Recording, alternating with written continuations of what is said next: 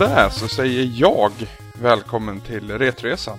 Eh, min röst känner ni igen som Anders Brunlöv och normalt sett så har vi också Samson Wiklund med i det här programmet. Men tyvärr inte denna vecka då han är på vift i vår kära huvudstad på lite hemliga affärer.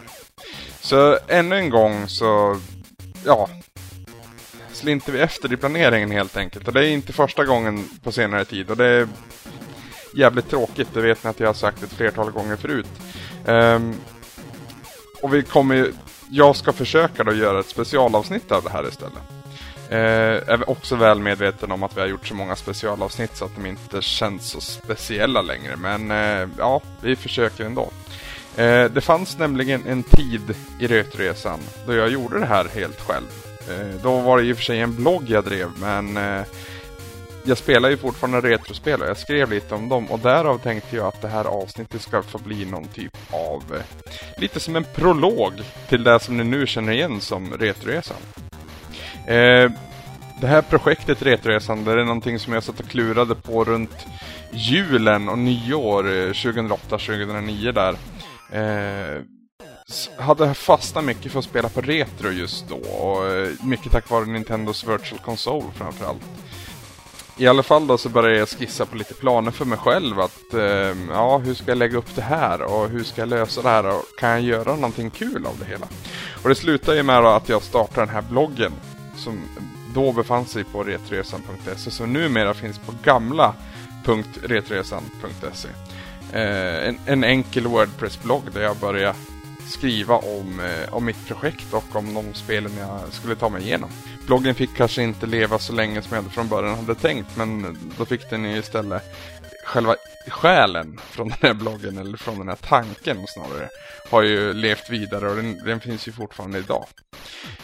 Jag tänkte prata lite om tre spel från eh, bloggperioden för E3-resan och eh, vissa av spelen har vi redan både jag och Samson pratat om så de hoppar jag över. Men de tre spelen jag tänkte fokusera på är dels Super Mario RPG eh, första spelet som spelades i, i, på e Retresan eh, därefter Earthworm Jim till Mega Drive faktiskt eh, som jag spelade kort därefter faktiskt. Och eh, slutligen då det som var mest mindblowing för egen del i alla fall, det är ju då Snatcher till eh, Sega Mega CD.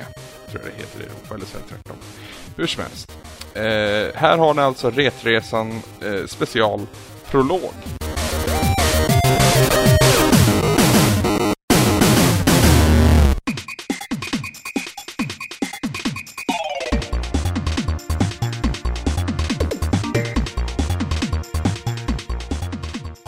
Som sagt, det första spelet var alltså Super Mario RPG eh, under titel Legend of the Seven Stars. Alltså ett Super Nintendo-spel utvecklat av Square och utgivet av Nintendo.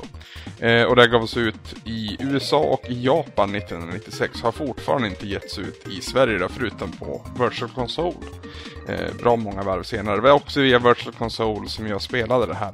Eh, och det fanns ju en tanke med att välja det här spelet och framförallt välja det först och det var ju att eh, RPG som ni vet har ju inte varit någonting som eh, jag har inte haft många sådana spel under mitt bälte helt enkelt. Jag har dock spelat de senare delarna i den här serien. Eh, det som kom att bli Paper Mario och eh, ja, efterföljare till både eh, GameCube och till eh, Wii så småningom. Men eh, det var ju i och med Super Mario RPG som allting började och det var där jag också började min, min retroresa. Och eh, som sagt, jag behövde få lite, eh, lite RPG-vana helt enkelt. Och då tyckte jag att i och med att också Square kombinerade RPG-inslag med Mario som är väldigt bekant för min del då, så kändes det som en bra inkörningsport. Och så här i efterhand så får jag nog lov att säga att det var det verkligen. Även om mycket kändes konstigt och eh, ovant och jag inte riktigt hade full koll hela tiden på hur jag skulle bete mig och hur jag, hur jag skulle förflytta mig framåt så att säga. Så det var liksom mjukt och gästvänligt ändå på något vis och lagom svårt. Nästan rakt igenom. Eh, I och med mina blunders och mina misstag då så innebär ju det också att jag fick den här eh, grinding XP'n som är så viktig i lite mer seriösa Eh, rollspel. Eh, I det här så skulle jag väl inte säga att man behöver de 22 timmarna eller vad det tog för mig att ta sig igenom det. Utan jag tror att man kan ta det på, kanske inte hälften av tiden, men eh, bra många timmar snabbare än vad jag först körde på. Jag stötte dock på problem ganska snart och det var här jag liksom för första gången egentligen börja eh, förstå vikten och eh, egentligen innebörden av att bära med sig föremål och eh, utrustning. För det gör man även i Super Mario RPG. Det är alltså eh, det är väldigt konstigt ibland. Alltså Mario slåss med hammare och, och allting sånt. Och det, det, det känns Ibland kan det kännas väldigt krystat, skulle jag säga. Samtidigt så tycker jag det alltid görs med en, med en sån charm så att det är svårt att liksom ge kritik endast för det också. Så eh, jag faller ju pladask för det mesta när det handlar om Mario faktiskt. Och inte minst eh, alla karaktärer som finns i hans universum. För Mario som karaktär egentligen är rätt tråkig. Han är rätt så, rätt så blek och rätt så... Eh, han, han är egentligen bara älskvärd. För att han är så platt egentligen. Eh, det finns ju andra karaktärer i det här eh, universumet som är, faller mig mycket mer i smaken och en av dem är utan tvekan Bowser. Och till min stora lycka så visar det sig några timmar in i spelet att eh, Bowser faktiskt inte är eh, den bad guyen i detta spel utan det är faktiskt en som kallar sig för Smithy om jag minns allting rätt. Istället så ansluter sig Bowser till din grupp och ditt party. Och han var ju minst sagt ett välkommet tillskott till den här gruppen då han eh, dels hade väldigt mycket hälsa och framförallt slog med väldigt stor, eh, med väldigt stor kraft. Då. Han var lite, lite av en, eh, av en grunt eller jag vet inte vad man ska, en liten tank nästan. För de som spelar WoW. Vilket jag inte gör så jag vet egentligen inte vad jag pratar om. Men, eh, det känns som att en tank och, och Bowser har rätt så många saker gemensamt. Förutom att, eh, att jag lärde mig att använda items så lärde jag mig också hur det här leveling-systemet eh, fungerade. Och leveling, eller levlande, jag vet inte vad som är riktigt att säga där. Eh, det var ju också någonting som jag var helt grön på så att säga. Jag fattade inte ett skit egentligen vad som, vad som för sig gick. Eh, det är ett väldigt enkelt system och eh, det handlar egentligen om att ha tre olika saker att välja på när du, när du når en viss poäng i XP då. Eh, där du kan ge din karaktär ytterligare en edge. En erfar mer erfaren spelare kanske skulle ha valt eh, lite andra lite, gjort några andra val eh, och baserade på hela gruppen istället för att liksom, fokusera endast på en, en enda karaktär. Men jag får nog lov att säga att det gick rätt så bra ändå för min egen del. Alltså det, ja, ja, jag har varit lite snäll på mig själv angående det här och det var ju det var ett snällt spel att börja, börja med också. Så det var ett spel där jag hade utrymme att göra misstag, kortfattat. Om man ska prata lite om spelet uppstyckat i de här äh, segmenten som vi brukar dela upp dem i, då, Samson och jag, så, så börjar vi alltid med presentation. Eh, utseendemässigt och grafiskt sett så tycker jag att eh, Super Mario RPG är riktigt jäkla bra. Eh, jag kan tycka, man, man, ser på det här spelet snett ovanifrån, från sidan. Tror jag, jo men någonting sånt. Jag kan tycka att den vyn ibland inte gör, eh, gör sig bäst alltid. Eh, visst, man får en väldigt bra överblick men man, man går miste om så mycket grafiskt. Eh, och en del miljöer som det också besöker och eh, ut, det spelet utspelas i, de eh, ser ganska platta och fyrkantiga och tråkiga ut. Med det sagt så är ju färgvalet klockrent måste jag säga. Det är, det är verkligen en, en färgglad, sprudlande, vacker och eh, charmerande värld. Eller världar rättare sagt som man, man befinner sig i under resans gång. Eh, och det är verkligen miljöombyte 2000. Alltså det, ena stunden är du nere i kloaken och andra stunden är du uppe bland molnen och härjer. Och eh, det är bara till spelets stora fördel alltså. Det är, mm, de har lyckats med det här. Det är också anmärkningsvärt att se hur väl Mario ändå ritas upp i 3D. Även om spelet inte är i 3D så ser man ju Mario runt om så att säga. Man ser den inte från sidan, man ser hela 3D Mario. Eh, det, jag vet inte, det här kanske var första gången man riktigt såg det. Eh, det ska låta vara osagt. Nu skulle jag haft Samsung med mig, men eh, det var imponerande och det är imponerande och det ser fortfarande rätt okej okay ut idag. Mer än okej, okay. det ser bättre ut än i Mario 64 till exempel. Den andra sidan av eh, presentationsmyntet då, så att säga, det är ju, det är ju musiken. Och eh, som sagt, spelet är utvecklat av Square och eh, det, det, det, känns och framförallt det hörs. För eh, musiken här saknar ju egentligen motstycke om man det beror givetvis på vad man jämför med. Nu ska vi inte ta in Final Fantasy eh, 4 eller 6 in i bilden egentligen. Men eh, för att vara ett Mario-spel, ett sånt här lättsamt och eh, eh, mjukt, kan man säga så, spel, så, så har det här soundtracket eh, väldigt många minnesvärda och eh, riktigt bra spår, måste jag säga. Eh, det finns många att välja på om man ska välja en favorit, men eh, för min egen del så måste det nog bli Beware of the Forest Mushrooms, heter spåret. Det kommer eh, två tredjedelar in i spelet skulle jag säga. Eh, väldigt lummig för att använda Samsons favoritord. Eh, lummig låt med, som också passar den, den grafiska bilden väldigt bra och eh, ni hör den i bakgrunden och ni som har spelat spelet känner också säkert igen den. Eh, väldigt minnesvärd låt måste jag säga och den, den är definitivt inte ensam. Så presentationen i Super Mario RPG är verkligen på topp. Det är, det är få spel som kommer upp till den här nivån så här pass bra. För att gå vidare och prata om andra aspekter i det här spelet så är väl eh, kontroll och gameplay nästa, nästa segment, säger man så. Eh, kontrollen är egentligen inte så mycket att prata om, alltså det är ett, det är ett rollspel i, av den gamla skolan så att säga. Det, är, eh, det finns inga active battle här utan du, du, du markerar din fiende, du väljer att attackera eller göra någonting annat. Du, du trycker bara kommandon egentligen och ja, det är brädspel egentligen. Eh, så det finns inte så många aspekter av kontrollen. Jag tycker den är vettigt uppsatt. Jag tycker att eh, att man aldrig liksom viftar bort sig eller, eller går vilse i kontrolluppsättningen. Man, man förstår egentligen hela tiden vad man ska göra. Det finns inte så mycket mer att prata om angående den.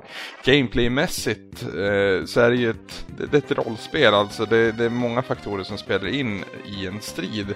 Eh, det tycker jag de presenterar dels väldigt enkelt och lättförståeligt för ett, för ett och en oerfaren RPG-spelare som mig. Därtill så tycker jag också att eh, det faktiskt bjuds på ordentligt med utmaning för den som vill. Eh, nu kommer jag inte ihåg vad den här bossen heter, men jag har för mig att han är från Final Fantasy 4. För det finns, på ett ställe i det här spelet så finns det en hemlig dörr. Eller en dörr som man relativt enkelt kan ta sig in i. När man går in där så får alltså de här karaktärerna Mario och Princess Peach, Bowser och vem det nu har Eh, jag tror det är tre som man kan ha som max. Men hur som helst så får du möta en, en gammal Final Fantasy-boss. Och jag tror det är slutbossen i Final Fantasy 4 vi pratar om här. Och det är alltså den, den sista versionen av, av densamma. Och eh, jag klarade Super Mario RPG, jag klarade det ganska smärtfritt. Men upp till dagens datum så är jag fortfarande inte klarat den här jäkla bossen. Eh, kan ju ha att göra med att jag inte har spelat det här spelet på väldigt länge. Men jag minns i alla fall från då att den här bossen var riktigt jäkla utmanande och svår och det är väl lite tanken också att verkligen visa på skillnaden ändå mellan eh, Super Mario RPG och Final Fantasy och eh, ja, vart nivåerna ligger så att säga. Eh, Super Mario RPG är ändå Super Mario i första hand och ett RPG i andra hand. Eh, även om de två världarna går väldigt, väldigt väl i hand med varandra.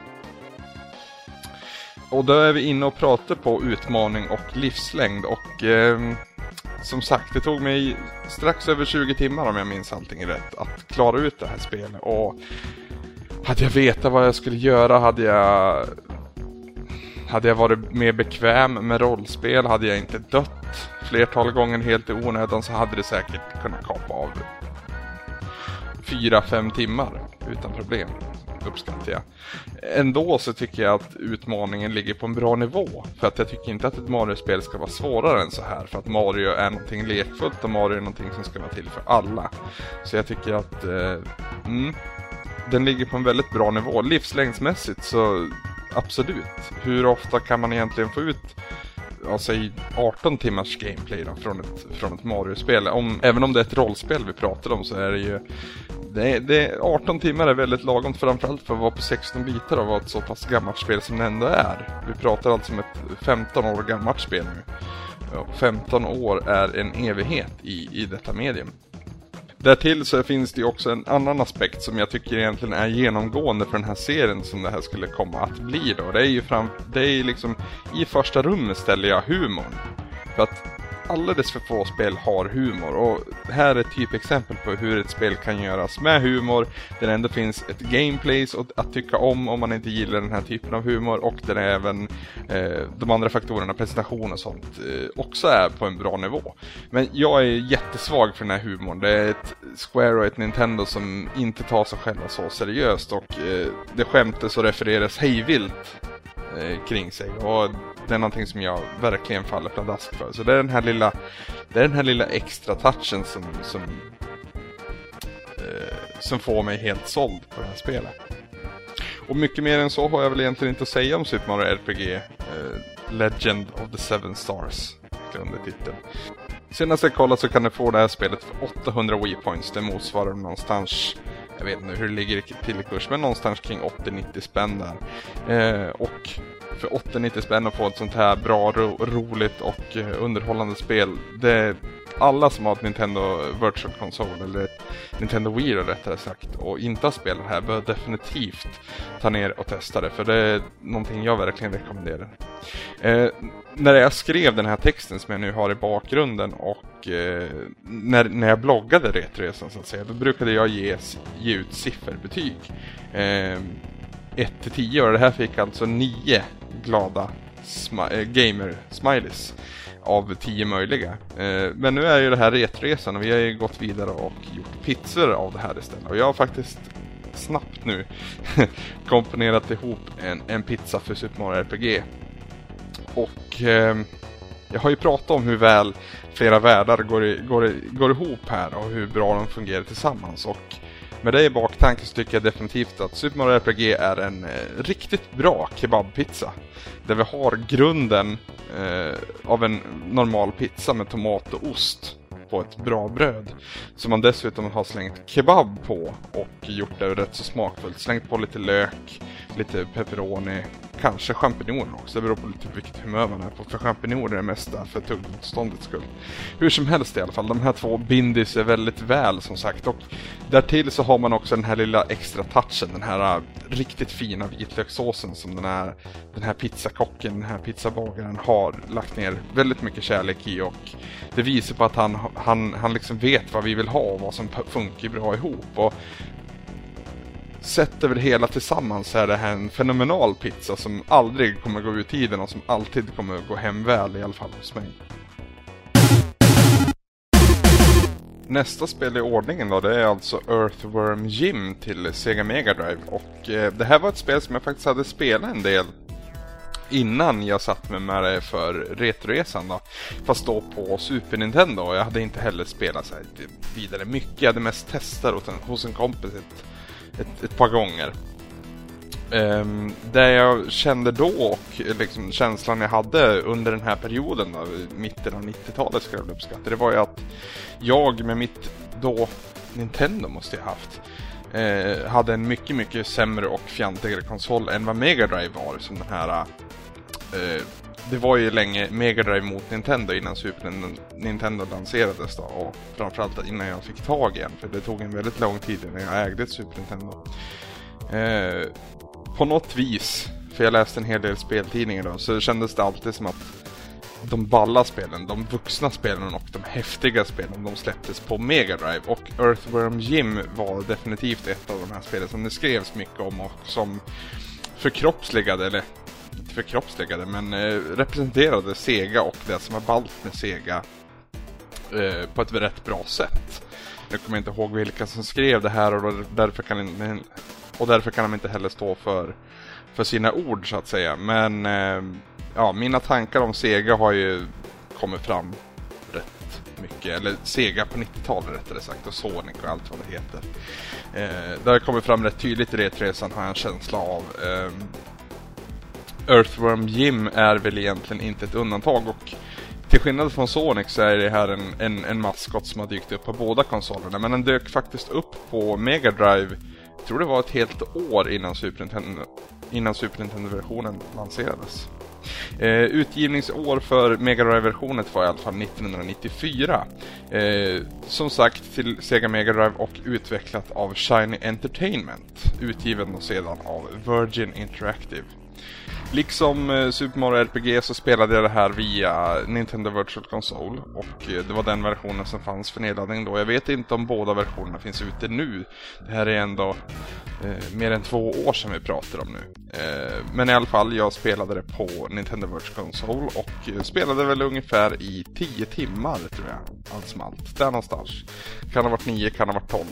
Earthworm Jim är lite speciellt också för att eh, det var ett rätt så viktigt spel för spelindustrin. Många anser att det här spelet var ett av de första, eh, i alla fall plattformsspelen, som var utvecklade utanför Japans gränser som nådde en kommersiell framgång.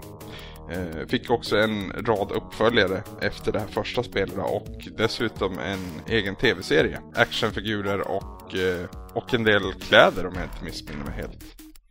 Den stora snackisen kring spelet då, då det var ju eh, framförallt eh, spelets humor och den här galenheten som Jim och eh, den här världen han, han befinner sig i representerar.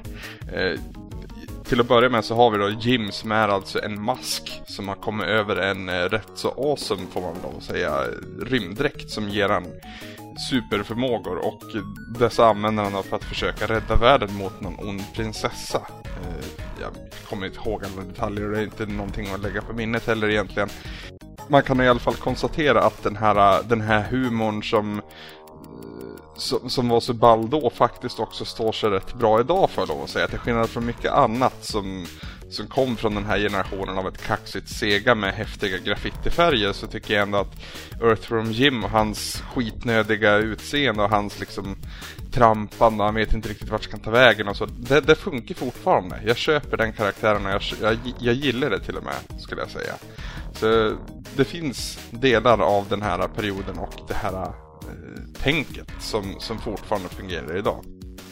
Om man ska tala om skillnader mellan de olika versionerna så den främsta då, nu kommer det här igen, men den främsta är att det faktiskt hörs. För eh, jämför man med Super Nintendo-versionen och framförallt eh, Super Nintendos eh, ljudchip då, kontra Mega Drive, så, så, det blir den här klonkiga, lite mer mekaniska och lite, lite trängre eh, ljudbilden än vad, vad Super Nintendo har erbjudit. Jag ska inte säga att det är det tydligaste exemplet för att visa på skillnaderna för att jag tycker inte att Super Nintendo-versionen erbjuder superbra musik heller. Men eh, visst låter det bättre på Super Nintendo, det tänker jag inte hymla om. Och där tycker jag väl att det är dags att vi går in och pratar om eh, presentationen då. Och eh, framförallt, eller, och i första hand grafiken. Och eh, det här var ju enastående slående och väldigt snygg och häftig grafik när, när det väl eh, kom ut. Eh, det syns fortfarande idag och det ser riktigt bra ut. Kortfattat. För min egen smak kan jag tycka att det är lite väl dunkel färgbild och att det känns lite som att man behöver höja på ljusstyrkan på tvn lite grann. Men det har jag haft fler problem med.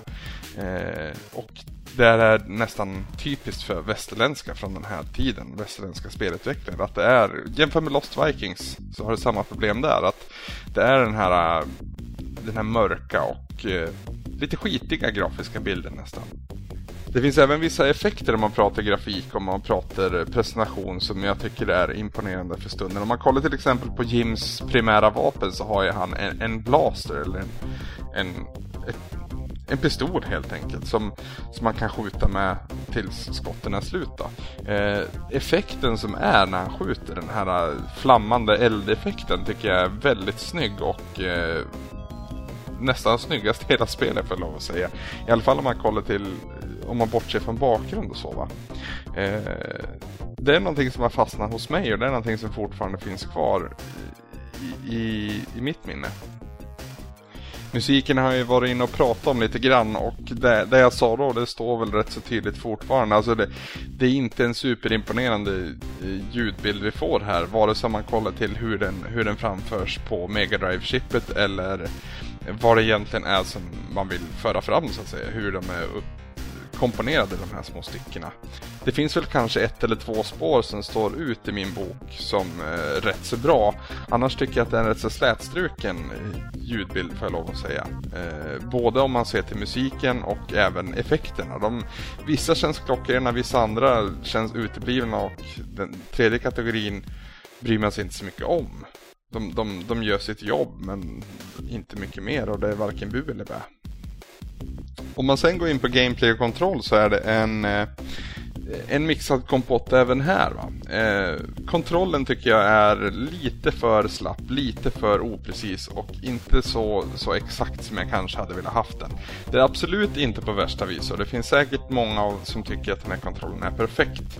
Och då, då är det bara så att det inte funkar för mig och det, det kan mycket väl vara så. Men ja, det var flertal gånger faktiskt under det här spelet som jag svor rakt ut för att den var lite för slapp, lite för oprecis och eh, hela gameplayet är rätt så flytande och inte så det här... Äh, det är ett plattformsspel och det, det utspelar sig i 2D-miljö. Men eh, under vissa perioder så krävs det rätt så snabba reflexer och eh, det går i rätt så högt tempo hela det här eh, spelet. Och eh, därav så blir den här kontroll kontrollbristen som jag väljer att kalla det då, den blir allt mer påtaglig för lov att säga. Men samtidigt finns det väldigt mycket positivt att säga om själva gameplay och kärnan i spelet. Då, så att säga. Framförallt hur, hur banorna är uppbyggda och eh, all den variation som faktiskt spelet bjuder på. Eh, framförallt så är det inte alla banor som går, bara går från vänster till höger utan man, man, eh, man rör sig också mycket uppåt och det, det, det uppskattas. Så det, det, känns inte krystat eller någonting sånt. Utan det känns, det känns alltid logiskt. Eh, man får nästan lite sådana här eh, klaustrofobikänsla. Att man är liksom instängd i en väldigt, väldigt stor eh, sal på något vis. Så att eh, du är fångad i spindelns nät lite grann. Det, hur, den, hur den vrider och vänder så kommer det gå åt fan förr eller senare. En känsla jag tog med mig. Som sagt så har man ju eh, då Gims Blaster som är första primära vapen. Men som en del av den här humorn som jag var inne och pratade om så finns det ju också ett, eh, en sekundär attack. Och det, det, det, går inte att låta bli att skratta när man faktiskt pratar om vad det är han gör här. För det han gör är att, att han tar, ta sitt eget huvud och använder den som en piska. Eh, som liksom lite av en melee-attack då kan man väl då säga. Och jag skulle inte säga att den är supereffektiv men eh, den är extremt rolig och extremt charmig och eh, på något vis också så fångar den lite grann vad det här spelet handlar om. För det är inget spel som ska tas seriöst det här. Det är ett väldigt sarkastiskt och eh, nästan lite svart humorspel får man lov att säga. Inte minst med tanke på den här kon då. Utan att avslöja för mycket spoilers. Men eh, väldigt, väldigt kul eh, för sin tid men det står sig väl fortfarande idag. Alltså sarkasm är väl den del av humorn som håller sig allra bäst skulle jag tro. Alltså, eh, humor är annars rätt så snålt bäst före datum förhållande till men just sarkasm tycker jag ändå eh, lever längre på något vis. Det är bara att kolla på Monty Python och vad, vad de håller på med. Liksom. Det, det, det är inget annat än sarkasm och ironi och parodi. Och det går hem hos mig. Beträffande livslängd och utmaning i det här spelet så Ja, som sagt, runt 10 timmar tog det för mig att ta mig igenom det och då dog jag ett flertal gånger. Eh, en del av mig vill givetvis skylla allt på kontrollen men så är inte fallet. Utan det är faktiskt ett rätt utmanande spel. Framförallt i och med att du kan, som hände för mig ett flertal gånger, få slut på skott. Vilket gör det mycket, mycket svårare för dig. Eh, jag har väldigt dålig relation med spel där det är enkelt att få slut på skott. Jag tycker det är en jättetråkig eh, spelmekanik, eh, spelmekanisk begränsning, får man kalla det. Eh, ingenting för mig och eh, det, det, hände ett flertal gånger i det här spelet vilket gjorde mig rätt sur. Eh, sen tycker jag också att den här svårighetsgraden är rätt så ehm, obalanserad, ojämn heter det väl kort och gott. Alltså det, vissa gånger så, så, tog man sig förbi jätteenkelt för, för sina fiender och de hinder som Jim ställs inför. Eh, andra gånger så, så fick man sitta där och nästan slita i sitt hår för att det kändes så omöjligt. Och, och framförallt väldigt många dryga fiender. Sådana som man riktigt hatar. Eh, och eh, jag får den att vilja stänga av konsolen. För att summera allting då så kan man väl säga att Earthworm Jim är ett, eh, det är ett spel fyllt av humor och galenskap och det är paketerat rätt snyggt med för tiden i alla fall imponerande grafik och eh, ja, mixad ljudbild men ändå av lite, rätt så bra skulle jag säga. Eh, försöker väl i alla fall summera vad som är coolt från 90-talet på en liten kassett. Eh, och eh, även om jag då och då biter mig i läppen för att eh, det jävlas för mig det här spelet så det är svårt att inte gilla Jim ändå. Hans trampande och hans, hans ja som sagt, hans skitnödighet. Jag, jag, jag är svag för den här killen. Eh, som bekant så gillar jag plattformsspel och jag, jag, skulle nog också våga rekommendera det här till folk som är likasinnade. Jag tycker inte att det är ett suveränt spel, men jag tycker att det är ett spel som är värt att komma sig ihåg ändå och eh, har en rätt så viktig plats i spelhistorien trots allt. N när jag skrev om det här spelet så gav det alltså 6 av 10 i, i smilegubbar, men när vi nu ska ta en pizza så har jag lite svårt att komma fram till eh, vad det är. Men jag tror att jag skulle kalla det för, eller säga att det är en tonfiskpizza. Eh, tonfisk är en... Eh, det är en fisk, det vet väl alla. Eh, det är en rätt svår ingrediens att ha på en pizza. Eh, skinka som, eh, som är liksom basen ändå.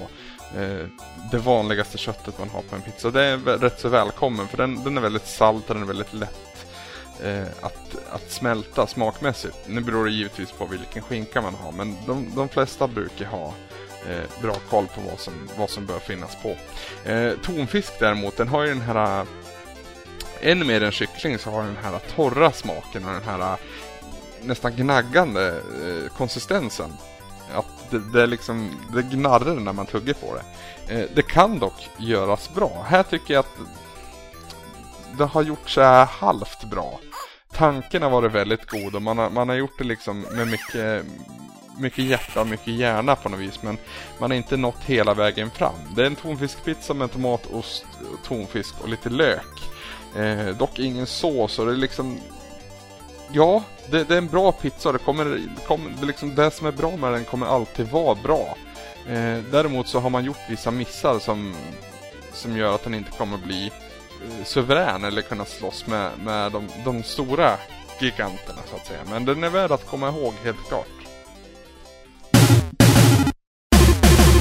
Sist ut nu då av de alla de här tre spelen och eh, det spelet som framförallt eh, ligger mig väldigt varmt om hjärtat det är alltså Snatcher.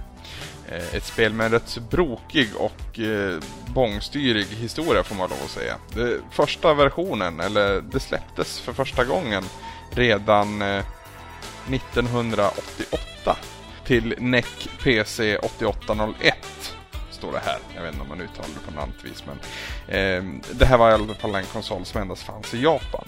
Eh, spelet kom sedan att portas till eh, bland annat Sony Playstation och Sega Saturn. Men eh, den översatta versionen med engelskt tal då, eh, det var endast den här Sega CD-versionen. Eh, och Sega CD är ju som de flesta av er vet eh, en rätt så fatal flopp från Segas sida. Det var inte många exemplar som såldes och därav så är också det här spelet ett sånt där guldkorn som har hamnat i kläm.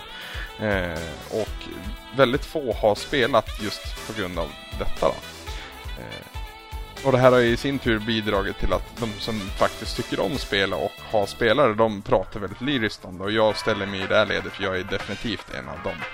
Eh, spelet är i alla fall utvecklat av myten, legenden och min eh, homeboy Hideo Kojima. Eller Hideo Kojima, jag vet inte riktigt. Och det här var alltså innan hans kommersiella genombrott med Metal Gear Solid. Han hade väl gjort första Metal Gear tror jag. Andra också kanske, men varken, inget av de spelen eh, fick ju den här genomslagskraften som Solid senare fick eh, några år senare. Eh, den här versionen då, Mega CD-versionen, var alltså den som släpptes 96 och det är alltså åtta år efter den första versionen och eh, ja, det finns en hel myriad av versioner att gå in på om det är så. Men jag tänker fokusera på Mega CD-versionen. Spelet är både utgivet och utvecklat av Konami då, med, med Kojima i spetsen. Och eh, för att spela det här då, då krävdes det lite, lite tuffare och lite fulare tag. Och eh, det jag gjorde helt enkelt, det var att jag emulerade det på min PC. Totalt så tog det väl ungefär, eh, säg 12 till 14 timmar att ta sig igenom. Det är inte ett superlångt spel och det är inte ett eh, superepiskt spel heller. I grund och botten så är det ett fantastiskt jävla coolt spel. Precis så coolt som vi har lärt oss eh, att Kojima kan hantera. Det är lite svårt att beskriva vad det är för typ av spel och det är ett peka-klicka-spel där man inte pekar och klickar. Eh, var det någon som sa. Eh, Fredrik Schaufelberger som skriver för Level, så vitt jag vet fortfarande, så han, han skrev att eh, han beskrev det som ett textbaserat äventyr med bilder. Och eh, det är mycket sanning i det också. Alltså det, det träffar rätt så mycket prick. Alltså det, hela spelet utspelar sig med, med egentligen en bild eller en, en så kallad videosekvens framför dina ögon och därefter står dina val och dina, dina möjligheter nedanför. Och du, du bläddrar helt enkelt genom att trycka styrkorset neråt eller uppåt eller åt höger eller vänster. Det är inte svårare än så. Huvudrollen i det här spelet är en person som kallas för Gillian Seed. Och i spelets introscen, som, oj vad många 80-talsvibbar man får av den. Eh, hur som helst, i öppningsscenen då så ser man hur han förklarar för sin exfru att han har gått med på att bli en så kallad junker. Och det här är en typ av polisgrupp som eh, har tillsatts för att ta hand om ett eh, allt mer påtagligt eh, problem. Eh, ett så kallat snatcher-problem. En snatcher är alltså en typ av robot, en typ av cyborg som dödar människor för att sedan kopiera deras utseende och ta deras plats i samhället. Eh, likheterna och referenserna med Blade Runner är otaliga och hela spelet känns egentligen som en stor hyllning till den här typen av film och framförallt då eh, Blade Runner självt. Spelet är en typ av, en typ av deckare och som Gillian sida så ska det ju försöka dels eh, forska mer kring det här snatcher-problemet, vart det kommer ifrån och vilka som står bakom det. Eh, därtill så händer det en hel del grejer under spelets gång så att säga som sätter dig i eh, på pottan ordentligt kan man väl säga. Eh, för att variera sig lite då och för att få lite actionmoment i de här spelen så, så dyker också en del shooter, shooting-moment upp. Mycket likt faktiskt det som jag och Samson pratade om senare i, i Police Notes. Men i Snatcher så, så är de inte lika tråkiga tycker jag. Jag tycker framförallt att de är bättre in, liksom intryckta i spelet med bättre mellanrum och eh, tempoväxlingen sköts bättre i Snatcher. Mycket, mycket bättre faktiskt. Om man börjar då i rätt ände och pratar om presentationen så måste man ju säga på en gång här att det syns att det är Kojima och hans förmåga att pressa hårdvaran som står bakom här. Alltså det är en, även om det bara är stillbilder som målas upp egentligen så är de riktigt jäkla snygg. Och därtill så röstskådespeleriet som är alltså 1996 och det här röstskådespeleriet är kanske inte helt superbt men jag köper det. Och det krävs en del att jag ska köpa det. Inte varje röst, självklart inte varje röst. För att det är väl rätt många röster och eh, rätt många plumpiga och fjantiga karaktärer och så. Men det, grunden någonstans och, och, kvaliteten på, på vad man, hur man har jobbat fram det här är riktigt jäkla bra. Jag skulle säga att det faktiskt är bättre än eh, de större delarna i Metal Gear Solid faktiskt. Och det är inte att säga lite. För Metal Gear Solid kommer in på min totala topp 5. Spelet utspelar sig i alla fall i staden Neocobe och eh, den, den är väldigt levande och eh, trots den här stilla bilden så att säga och den här, eh, det här sättet som är ett väldigt långsamt och eh, detektivsätt riktigt så, så tycker jag att Neocobe känns levande som sagt. Eh, det händer mycket knutet till staden medan du är där och eh, du kan även gå ut på, på stadens gator så att säga och göra eh, ett fåtal, jag vet inte riktigt hur många det är, men ett gäng med side missions som, eh, som ger dig väldigt mycket historia och eh, känslan över staden och känslan av folket som bor i den här staden också. Kriminaliteten är på eh, all time high och ja, det är miserabelt men ändå är alla så jäkla lyckliga för att det lyser neonlyktor i, i nyllet på dem. Musiken därtill följer deckartemat eh, riktigt bra. Jag pratade om introsekvensen tidigare men även under eh, det finns olika partier i det här spelet. Ibland så ska det vara mystisk stämning, ibland ska det vara hektisk stämning, ibland så ska det vara den här krypande, shit nu kommer någonting hända snart stämningen. Jag, jag tycker de träffar mitt i prick på i stort sett allt här, eh, Konami. Och eh, den här levande känslan jag pratar om, den går ju igen även i musiken och eh, även i ljudbilden. Alltså, jag nämnde den här, de här stadsuppdragen och eh, bilden och eh, framförallt eh, ljudbilden från, från Neocobe är riktigt levande och det känns verkligen att det är en futuristisk storstad du befinner dig i och eh, man träffar det riktigt, riktigt bra. Röstskådespelet var jag också inne på, helt superbt. Eh, nu vet jag inte vad han heter, han som gör rösten till Gillian Seed, men det är hans röst man hör allra mest, skulle jag tro i alla fall. Eh, och eh, han gör ett riktigt, riktigt bra jobb. David Hayter har en eh, konkurrent här, helt klart. Om man sedan pratar om kontroll av gameplay då, så har jag även varit inne på det. Och precis som med Super Mario RPG så är kontrollen inte så mycket att prata om i 90% eller kanske 80% av spelet. Där man egentligen bara väljer ord. Spelet går ut på att man gör ett val, man ser vad som händer, man lyssnar på dialogen och sen gör man ett nytt val baserat på vad som har hänt. Då. Så det är inte så mycket att prata om. Du, du pekar och du väljer egentligen. Sen finns de här skjutscenerna där du du eh, måste skjuta olika fiender på skärmen likt en uh, arkadshooter egentligen. Uh, där du egentligen kan spela det precis som en uh, arkadshooter med en handkontroll, alltså peka med styrkorset och skjuta med en knapp. Men det finns också möjligheten att spela det med Eh, den här pistolen som följde med Little Enforcers, också utvecklat av Konami givetvis. Eh, Konami Justifier heter pistolen. Ingenting som jag fick tillfälle att testa på, men eh, baserat på hyfsat säkra källor så ska det vara rätt så ballt även det. För att bryta in och prata om absolut ingenting mitt i allt det här så kan man ju också nämna att eh, Kojimas förmåga att eh, referera och citera och framförallt göra narr av sig själv lite grann eh, återkommer ju även här. Eh, din chef på eh, Junker Headquarters till exempel har eh, tidigare jobbat åt Foxhound. Eh, vid, vid, flera olika tillfällen besöker man en bar som kallas Outer Heaven och eh, det tydligaste exemplet utan tvekan är ju den här eh, mekaniska medhjälparen som Gillian har. Och eh, den här mekaniska medhjälparen heter ju inget annat än Metal Gear. Och när den här roboten gör entré då, så gör han det till det klassiska Metal Gear-temat.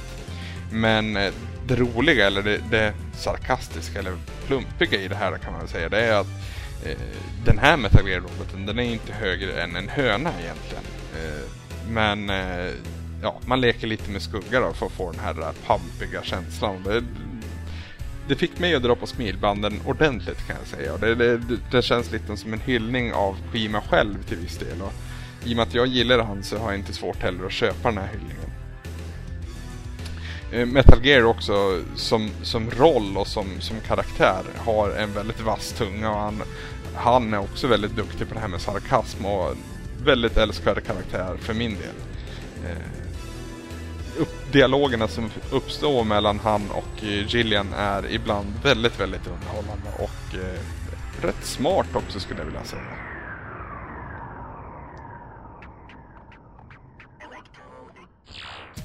När man sedan pratar om utmaning och livslängd så är det också en rätt så mixad kompott. Alltså eh, utmaningen är egentligen inte så svår. Som jag sa så handlar det egentligen om att man gör ett val, man kollar vad som händer och man väljer därpå på nytt. Eh, visst så måste man eh, ta sig till, till, en viss punkt och göra det i rätt ordning och så, men det är egentligen bara en tidsfråga och det är inte vidare svårt utan det, det handlar snarare om sunt förnuft. Och det, de gör, Konami gör det riktigt bra att vägleda dig var du ska ta dig an härnäst så att säga. Det, det är väldigt sällan du liksom fastnar och inte förstår riktigt vad du, vad det är tänkt att du ska göra. Om man sedan pratar om de här shooter-sekvenserna så är det allt mer ojämnt för lov att säga. I början är de superenkla där du verkligen har 10 sekunder på dig att skjuta en fiende som dyker upp på skärmen innan, innan han lyckas förgöra dig eller den vän som är i fara. Men mot slutet och framförallt den sista shooter-sekvensen som är hela, hela den fantastiska finalen av det här spelet så är det väldigt, väldigt svårt istället. Och det här hoppet blir allt mer påtagligt när de här sekvenserna ändå är rätt så få till antalet. Eh, jag tror inte att de kommer över 10 sträckor. Jag tror det handlar någonstans mellan eh, 6 eller 7 skjutsekvenser allt som allt. Så eh, ja, det är lite ojämnt där. Omspelningsvärdet är inte heller på topp. Alltså av ren kärlek så vill man givetvis ta en till runda i Snatcher men det finns inte så mycket att göra med det när du väl har klarat ut storyn. Och det, du ska inte levla någonting och du ska, det finns ingen eh, extra boss eller en sidequest förutom de här få korta på stan då, så att säga. Men det, det tog jag under min första genomspelning och de är inte vidare lång. Så genomspelningsvärdet, eller omspelningsvärdet som det heter, eh, ligger verkligen inte på topp.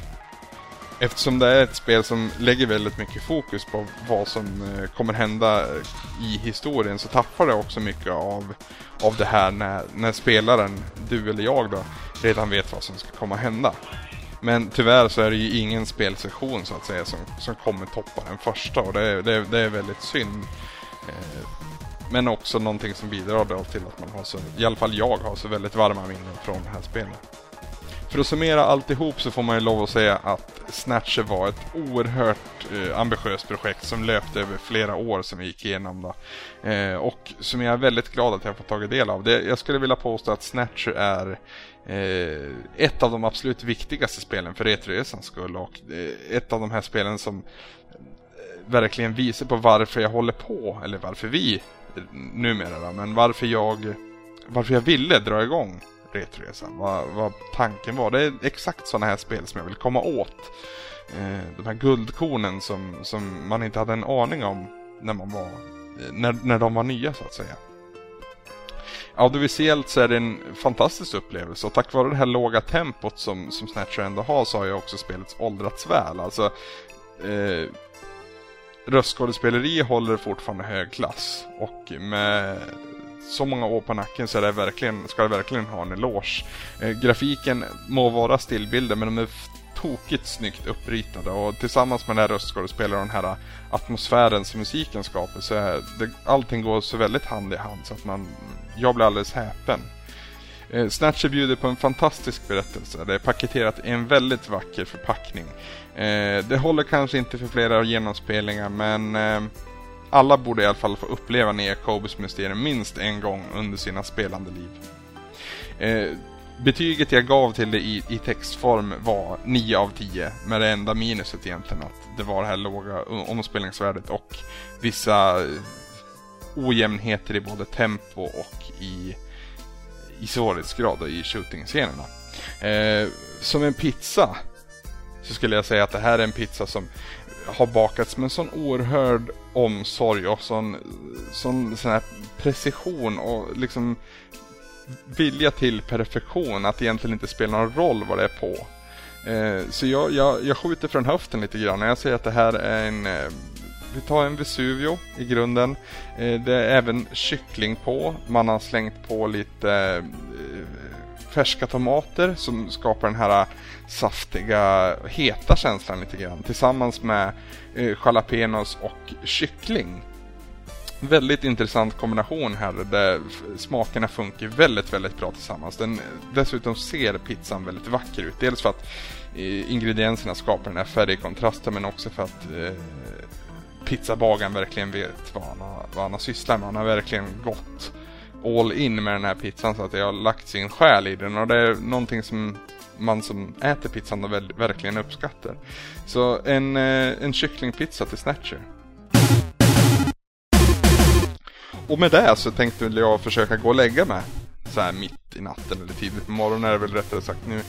Eh, har varit väldigt ovant och väldigt nervöst och väldigt konstigt att prata med er eh, själv så här pass länge som jag ändå har gjort. Men eh, så får det gå till ibland. Jag hoppas att det fanns någon där ute i alla fall som gillade det, det jag pratade om under den här tiden. Det var synd att ni inte fick i förhand veta vad, vilka spel jag skulle prata om och så.